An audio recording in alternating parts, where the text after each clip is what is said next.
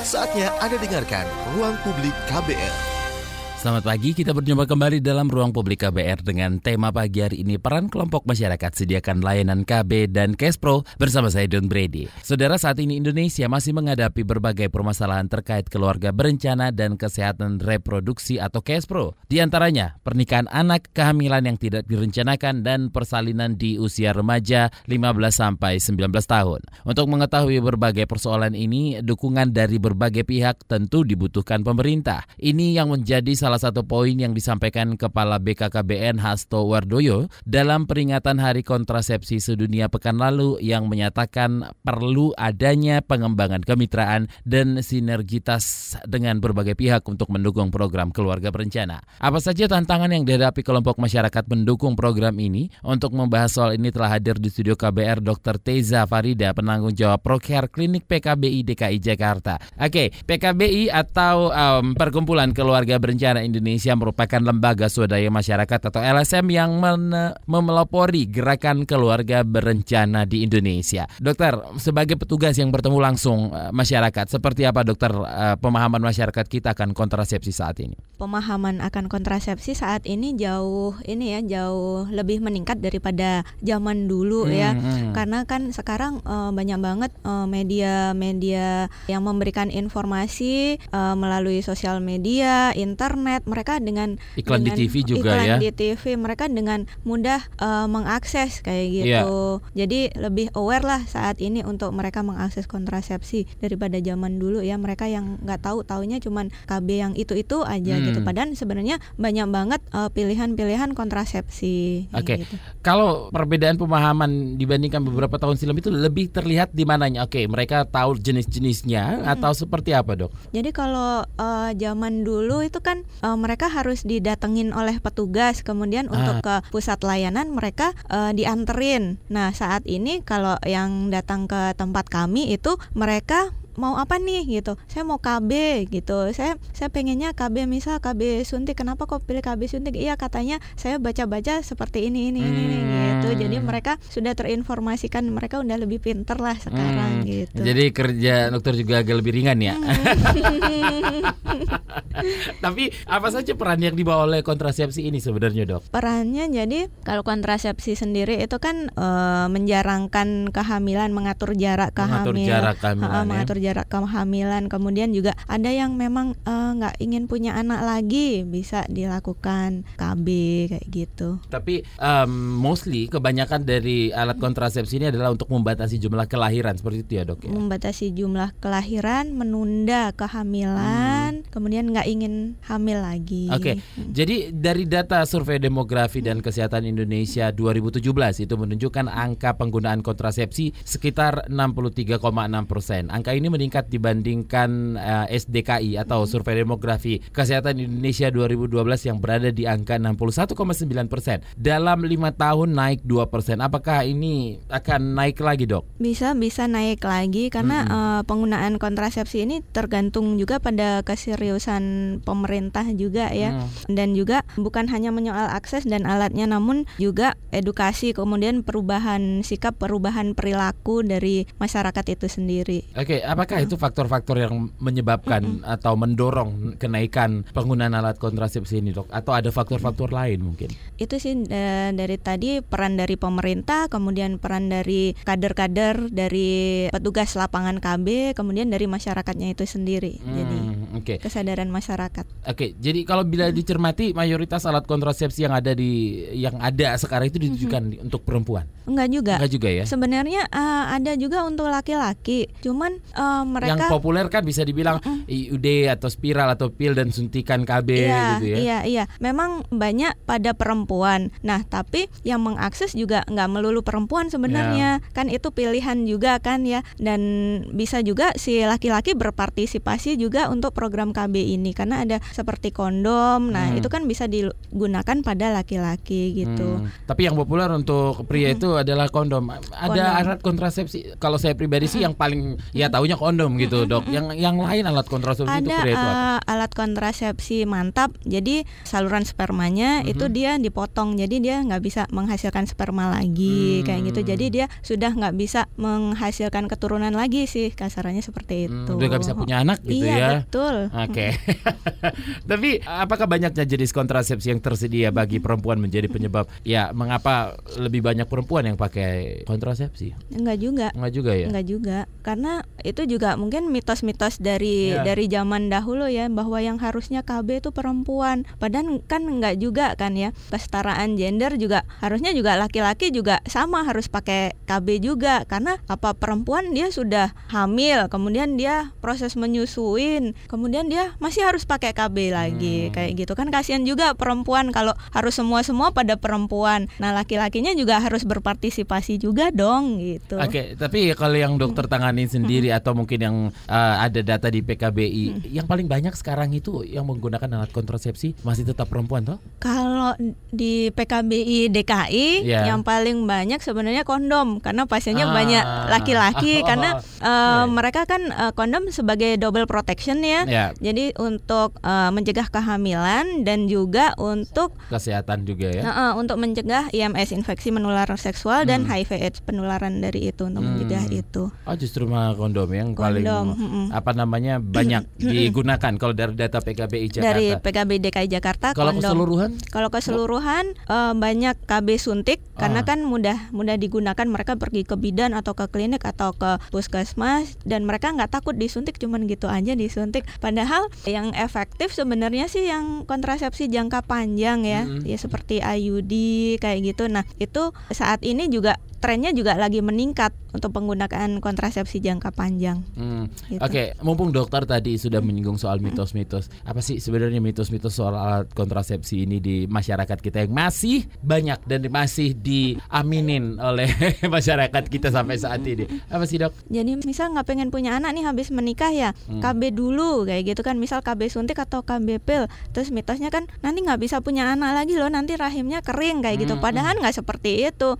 Nah setelah stop KB biasanya malah eh, lebih subur kayak gitu. Dan pengembalian ke keadaan normal itu juga lebih cepat sebenarnya. Pakai KB suntik atau pakai KB pil seperti itu. Jadi Hmm, nggak bener sih. Nggak benar Ha-ha. kayak gitu. Kemudian pakai KB implan yang di lengan itu ya, nanti bisa lari ke mana-mana gitu, sampai ke jantung, sampai ke perut. Nah itu mitos sebenarnya. Jadi dia akan tetap ada di situ Oke. KB-nya implan itu. Cuman Gitu. hanya seputar itu aja kalau ada cerita-cerita orang tua dulu kata orang tua nggak boleh ini nggak boleh itu nggak ada ya dok ya. Nah, ada sih eh, sebaiknya ditanyakan langsung ke petugas medis, jangan katanya katanya katanya gitu, karena kan belum tentu kebenarannya ya.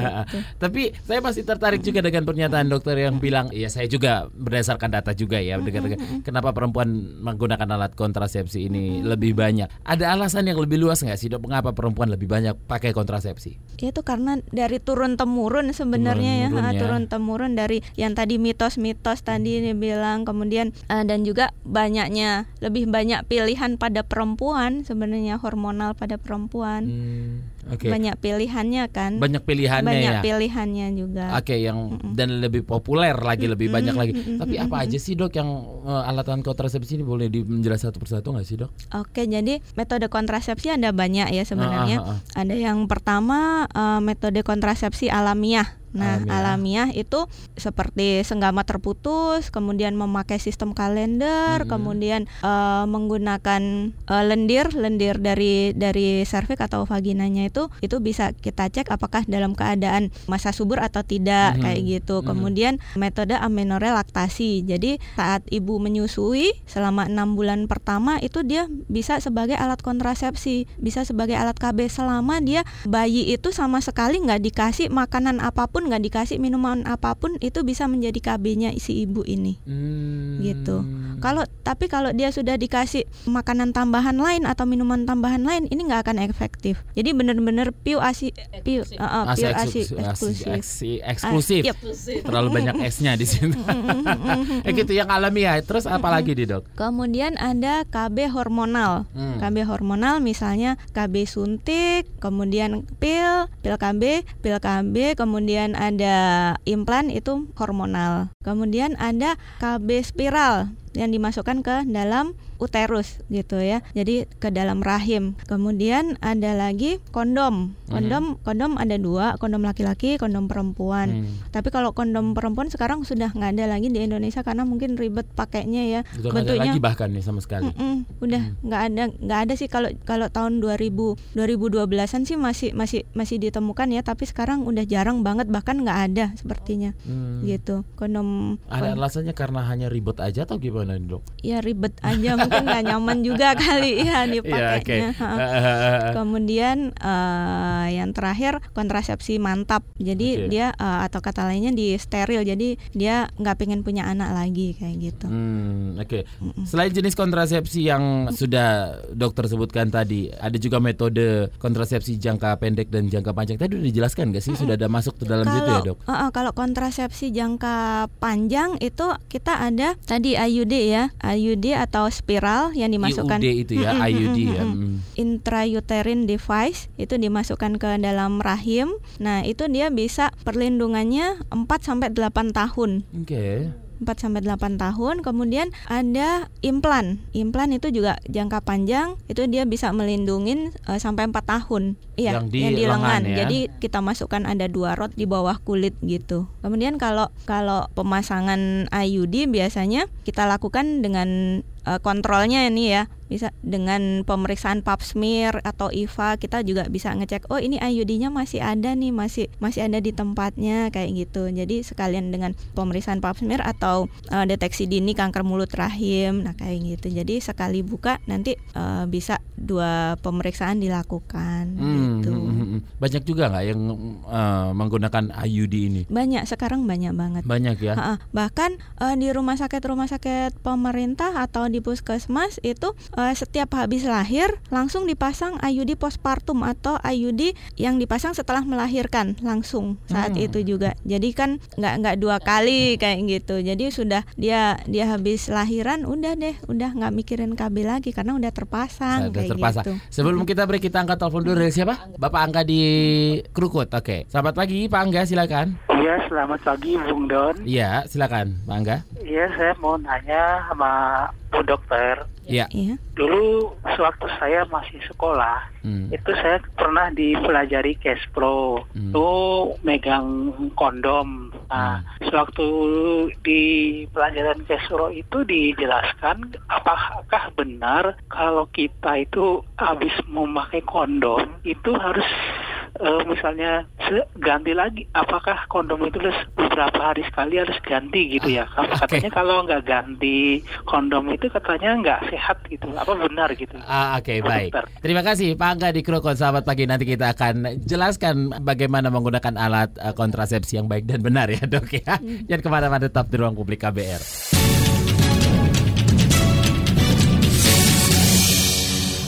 Anda masih mendengarkan Ruang Publik KBR dengan tema pagi hari ini peran kelompok masyarakat sediakan layanan KB dan Case Pro bersama saya Don Brady. Saya masih bersama Dr. Teza Farida penanggung jawab Procare Klinik PKBI DKI Jakarta. Dr. Teza, kita angkat dulu telepon dari Pak Aldi di Majalengka. Selamat pagi Pak Aldi. Selamat pagi. Iya silakan. Begini, saya mau tanya dok, kalau misalkan seandainya melakukan KB dalam jangka panjang dok, misal contoh misalkan tiga tahun. Nah, misalkan dari bagaimana se- kalau setelah tiga tahun itu habis, misalkan mau diperpanjang atau mau tidak diperpanjang dalam artian mau eh, mempunyai program planning untuk mempunyai anak itu dok. Hmm. Apa yang harus dilakukan setelah lewat dari tiga tahun itu?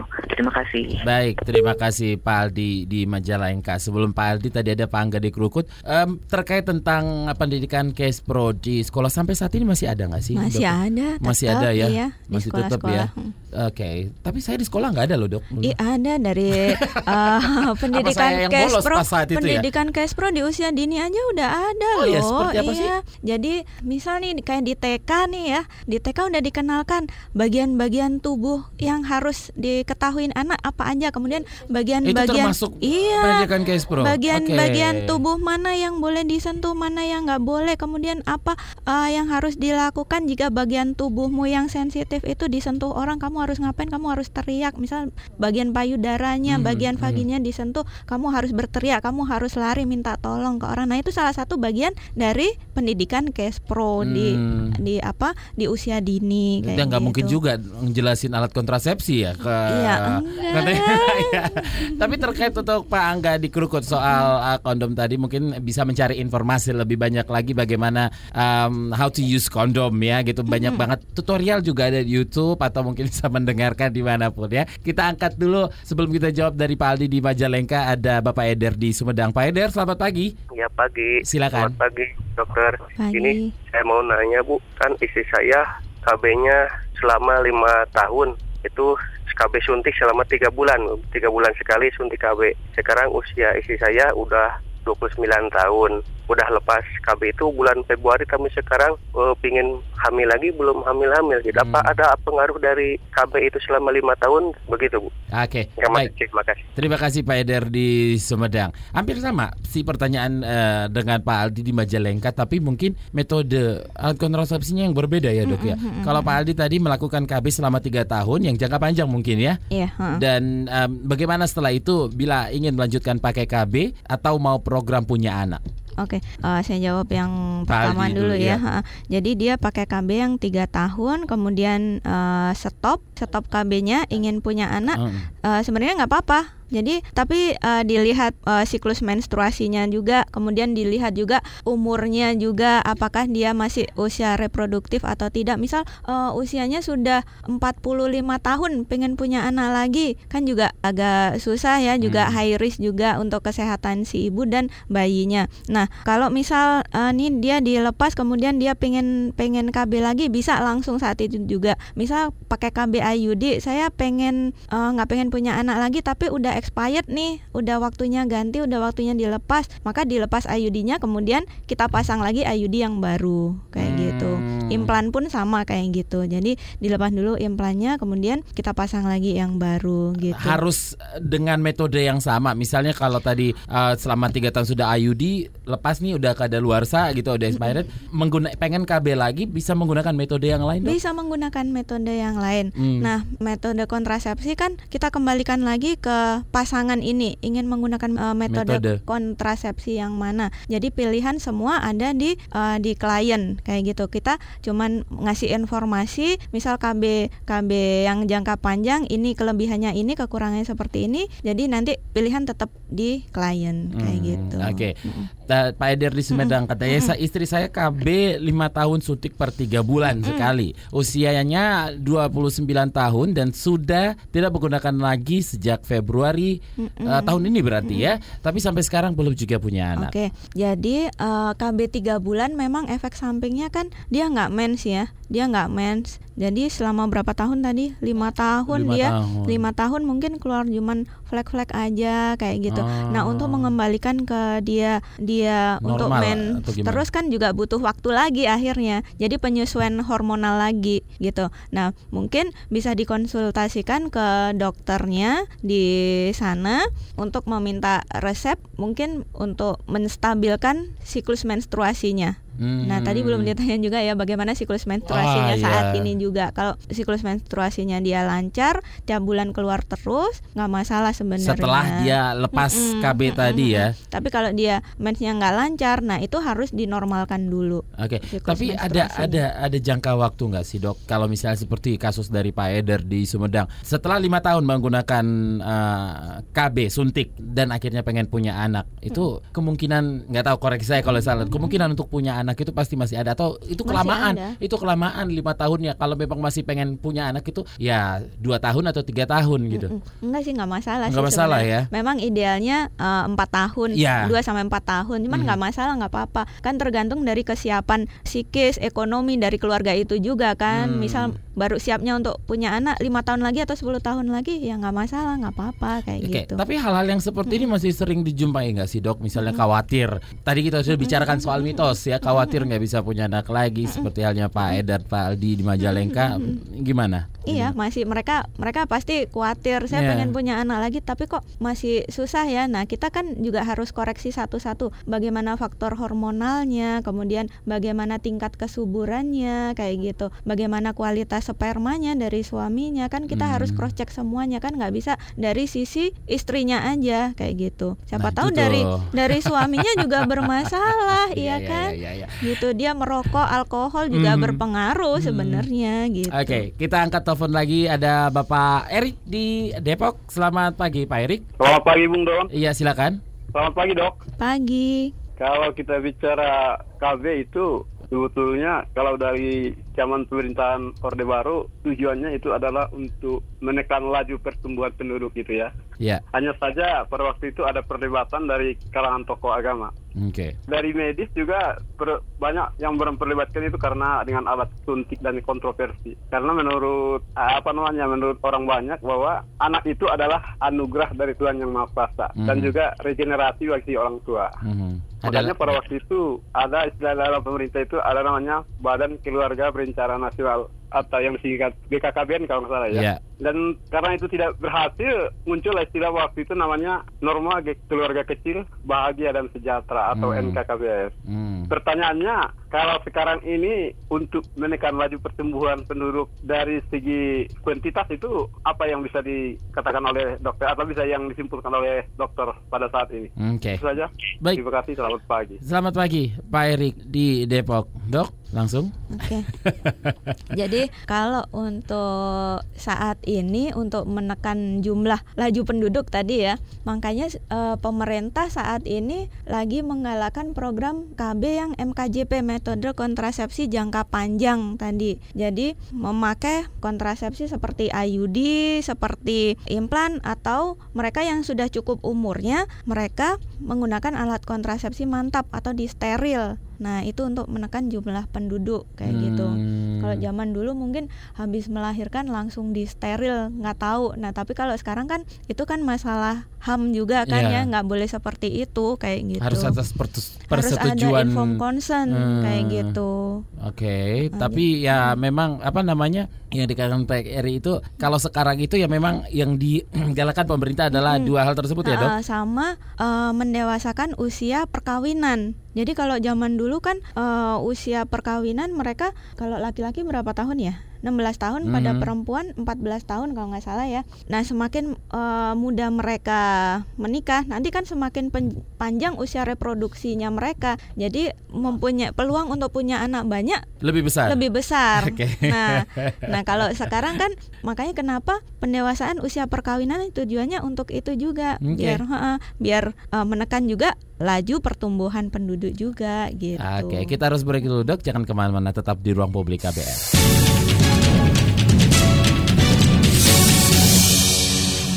Anda masih mendengarkan Ruang Publik KBR bersama saya Don Brady dengan tema pagi hari ini peran kelompok masyarakat sediakan layanan KB dan Kespro. Saya masih bersama Dr. Teza Farida, penanggung jawab Procare Klinik PKBI DKI Jakarta. Dr. Teza kita angkat telepon lagi ada Pak Kadira di Cirebon. Selamat pagi Pak Kadira. Selamat pagi Pak. Iya silakan. Saya mau konsultasi nih perihal KB. Eh, Ya. Usia saya 41, istri saya 21, selisih 20 tahun ya Bu. Iya. Ini habis melahirkan punya anak satu, anak yang pertama sesar gitu. Tapi saya mau ikut KB.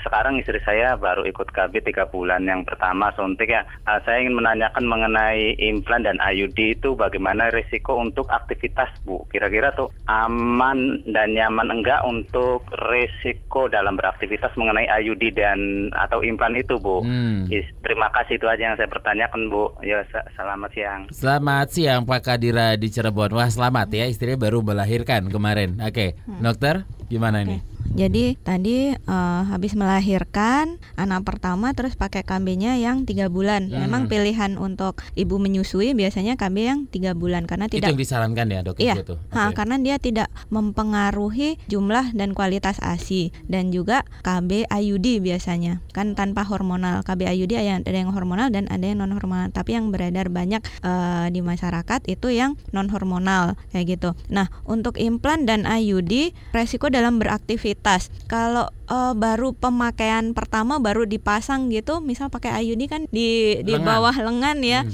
Nah, itu usahakan jangan angkat-angkat beras satu kuintal, jangan angkat galon kayak gitu. Nah, itu nanti bisa jadi kram, kaku, bengkak kayak gitu. Nah, kemudian juga sama dengan pemakaian IUD. Eh, jangan beraktivitas berat dulu setelah pemasangan. Tapi kalau sudah sudah sudah lama sebulan atau dua bulan atau seterusnya itu nggak masalah kayak gitu untuk beraktivitas. Nah, resikonya eh, mungkin kalau yang IUD mungkin rasa nggak nyaman pada pasangannya karena kan ada benang sebagai indikatornya di dalam vaginanya itu. Nah, pada saat bertemu dengan apa dengan eh, penetrasi penis mungkin kena gesekan benang itu mungkin nggak nyaman. Nah, itu Hmm. bisa nanti disiasatin eh, bilang ke petugas medisnya suami saya merasa nggak nyaman nanti benangnya sebagai indikator itu bisa dipendekin atau dipotong Hmm. habis kayak gitu. Oke, banyak ya macam ya. Dan uh, ter- terlihat dari yang em, yang menelpon kita pagi ini dok, semuanya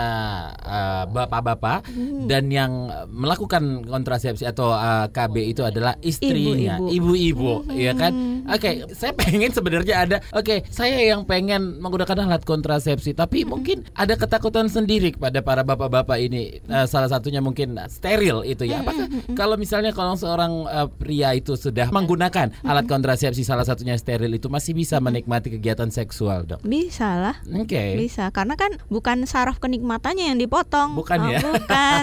Takutnya udah nggak bisa. Hmm, nggak bisa ngaca, Oh, iya, nggak nggak bisa bisa berdiri, masih bisa masih bisa berhubungan seksual dengan normal. Di situ yang dipotong adalah eh, sel spermanya. Jadi eh, menjadikan sperma itu sudah nggak berproduksi lagi, nggak berkualitas. Jadi dia nggak bisa lagi untuk membuahin sel telur kayak Hmm, gitu. Jadi oke. aktivitas seksual tetap aja seperti biasa, tetap normal seperti biasa. Nah, biasanya pada setelah dilakukan MOP, metode operasi pria, itu biasanya selama tiga bulan pertama itu masih harus memakai kondom dulu gitu. Uh, uh, Belum uh, efektif belum ya? efektif. Baru setelah itu sudah boleh lepas kondom Hmm. kayak gitu. Ibu Vera di Bekasi. Selamat pagi, Bu Vera. Pagi Mas, Iya. pagi Bu Dokter. Pagi. Bu Dokter, saya mau Iya. tanya, kalau untuk efek penggunaan KB baik yang IUD ataupun KB yang tiga bulan itu bagaimana ya? Jadi gini maksudnya, saya pernah menggunakan KB suntik per tiga bulan. Nah di situ berat badan saya naik, jadi saya lepas, saya tidak menggunakan apa-apa.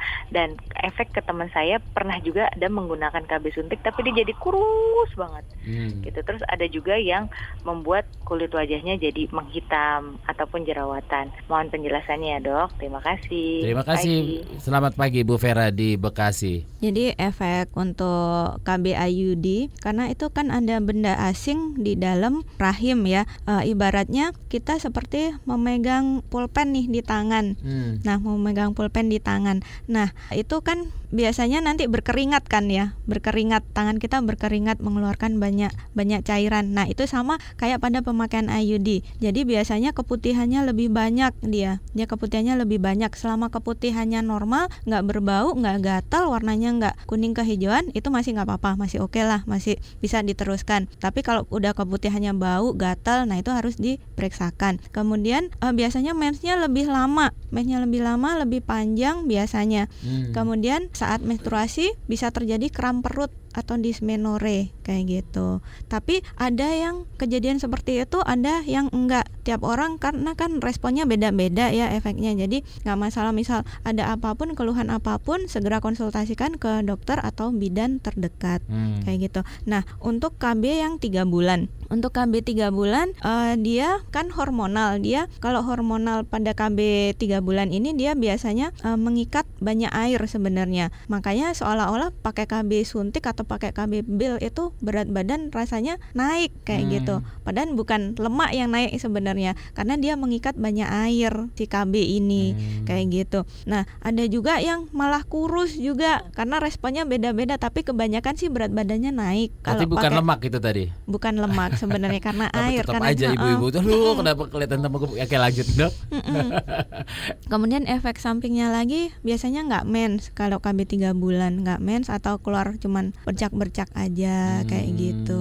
Itu sih. Oke, okay, kalau untuk ke ke wajah ke tadi wajah. Uh, kelihatan kusam terus muncul flek-flek juga gitu. Mm -mm, bisa jadi bisa juga uh, keluar flek-flek bisa bisa juga tapi kalau pada hormonal ada juga uh, eh, KB hormonal di mana itu pil biasanya malah bisa bikin ngobatin jerawat. Intinya sih sebenarnya mm -mm. itu akan berbeda reaksinya mm -mm. Um, apa namanya setiap mm -mm. orang gitu ya dok ya. Mm -mm. Tapi apa yang harus mereka lakukan ketika men, apa namanya mendapatkan efek-efek itu sendiri? Segera konsultasikan ke petugas medis yang berkompeten. Bertambah gemuk juga harus konsultasi. Iya. gitu segera konsultasikan. Konsultasi gitu. kadang kan uh, itu kan ngaruh ke efek psikologisnya dia dia ya. jadi nggak percaya diri hmm. kayak gitu. Jadi memang perlu sekedar konsultasi konseling. Kenapa ya kok ini apakah KB ini nggak cocok untuk saya? Kemudian apakah nanti KB yang cocok untuk saya biar saya nggak seperti ini kayak gitu. Apakah efeknya sama dengan IUD tadi, dok? Yang ke mana? fisik, ke Kalau suntik IUD, gitu. kalau IUD kan uh, tanpa hormonal. Hmm. Jadi kalau IUD ya? uh, lebih banyak ke yang misal keputihan, ke oh. mensnya lebih sakit atau lebih lebih lama kayak gitu. Oke, okay. mau kita angkat telepon dulu satu lagi siapa? Ya, Bapak Chandra di Kemayoran ya, Kemayoran. Oke, selamat pagi Pak Chandra. Selamat pagi. Iya silakan. Saya mau ada tiga pertanyaan. Oke, baik. Langsung saja ke pertanyaan Pak Chandra. Uh, tiga pertanyaan ini ada kaitannya dengan KB. Ya. Satu, perempuan yang sesudah menopause, apakah bisa mengganggu seksualitas. Oke, okay, baik. Yang kedua, Pak Biasanya Chandra. perempuan yang sudah menopause itu gemuk. Kenapa okay. bisa gemuk? Baik. Apakah ada gangguan dari progesteron dan estrogen? Ya, yang kedua, Pak Chandra. Satu. Uh -huh. Kedua, bagaimana cara menghitung masa subur? Oke, okay, baik. Jadi bulan Februari dan dan Maret dan menghitung masa subur ya. bulan Februari dan Maret. Baik, yang ketiga Pak Chandra? Nah, yang ketiga masih berkaitan dengan KB ya. ya. Uh, daya rangsang dari perempuan hmm. apakah benar? Oke, okay. akan menurun itu ada di bibir kemaluan dari okay. wanita baik. atau yang disebutnya kacang lah gitu. Oke, okay. baik. Lalu apakah yang dimaksud dengan glitoris itu letaknya di mana. Ah, Oke, okay, baik. Terima kasih. Terima kasih Pak Chandra di Kebayoran. Kita harus break dulu nanti kita akan jawab dok ya. Jangan ke mana-mana tetap di ruang publik KBR.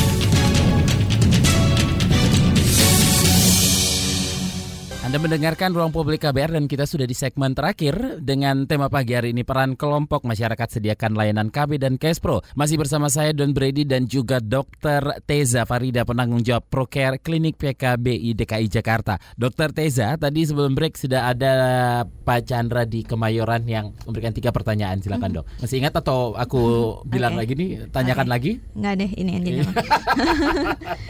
tadi yang pertama pada perempuan yang sudah menopause apakah uh, masih uh, apa namanya uh, ada ada gangguan seksualitas atau mungkin hasrat seksualnya itu masih ada nggak sih gitu uh, uh.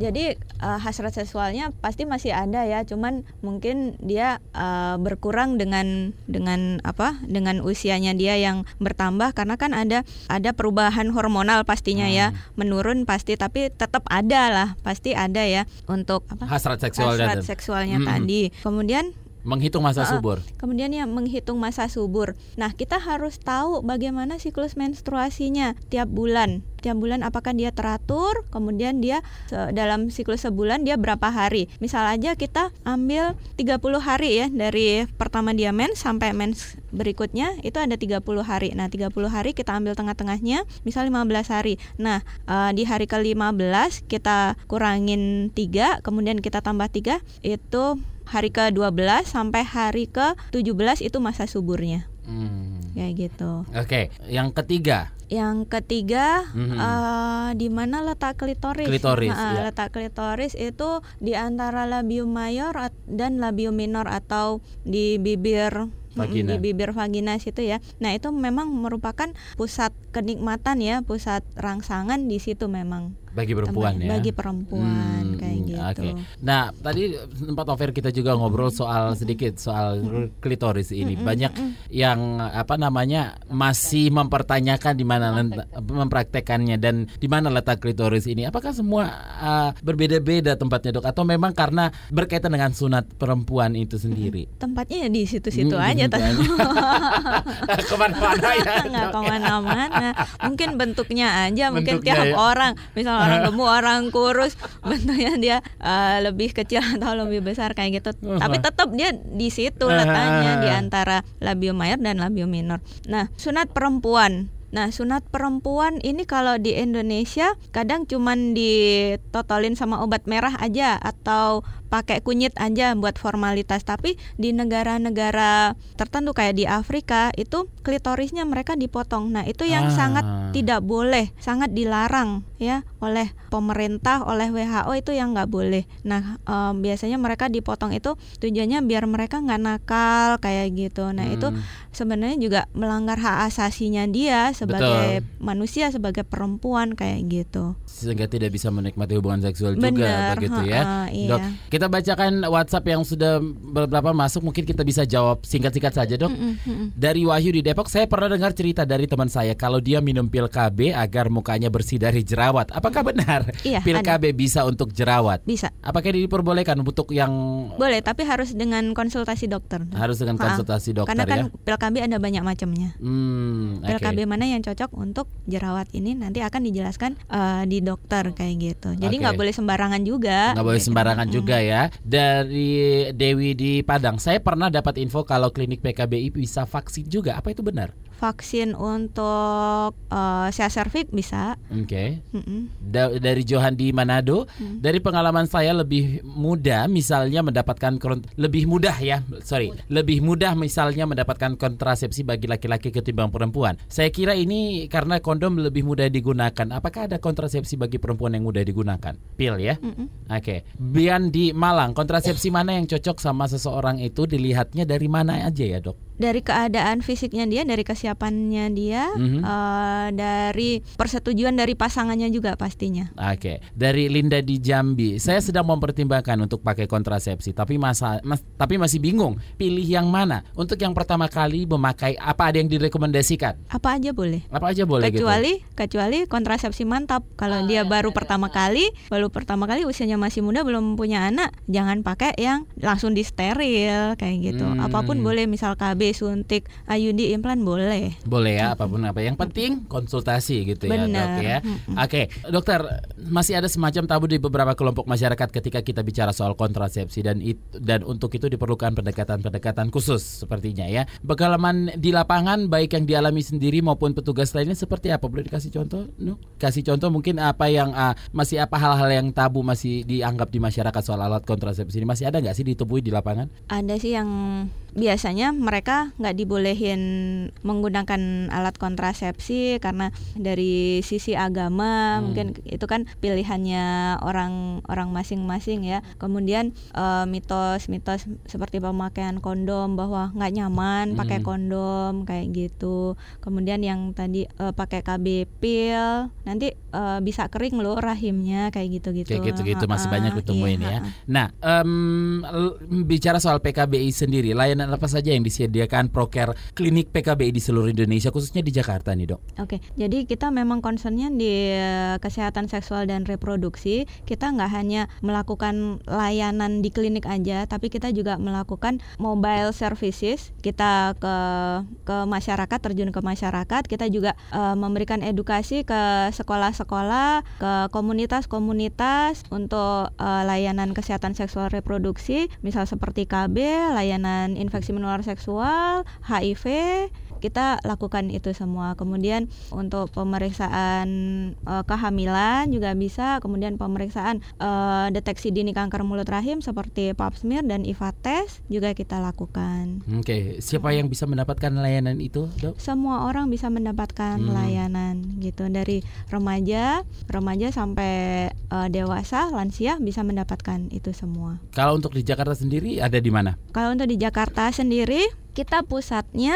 ada PKBI pusat ada di Jalan Hang Jebat di belakang Rumah Sakit Pertamina, tapi kalau kliniknya yang provinsi PKBI DKI Jakarta ada di Jalan Pisangan e, Baru Selatan di belakang Stasiun Jatinegara. Itu kita ada kliniknya. Dan kita juga ada 31 klinik yang tersebar di seluruh Indonesia. Hmm. Oke, okay, dan untuk informasi soal ini bisa kontak ke mana atau sosial media yang bisa diakses oleh masyarakat, Dok? Jadi uh, kita untuk kesehatan seksual reproduksi kita ada uh, pkbi.org.id uh, atau di Instagram uh, Suara PKBI, Suara PKBI. Kalau untuk DKI sendiri di Sentra Mitra Muda Oke, sekali lagi untuk Instagramnya sendiri Suara PKBI digabung hmm. semua dan hmm. untuk websitenya tadi Suara PKBI Bukan, uh, apa itu? PKBI.org.id. PKBI.org.id. Oke, silakan dicari informasi tentang apa pun di sana. Ada nomor teleponnya juga di sana ya dok Ada. ya. Oke, bisa langsung ditelepon. Bisa konsultasi juga bisa. ya. Oke, gratis dok? Gratis. Gratis ya. Oke, baik. Terima kasih Dokter Teza Farida, penanggung jawab Procare Klinik PKBI DKI Jakarta. Nanti kita ngobrol ngobrol-ngobrol lagi ya dok okay. ya. Saya dan Brady pamit salam. Baru saja Anda dengarkan Ruang Publik KBR.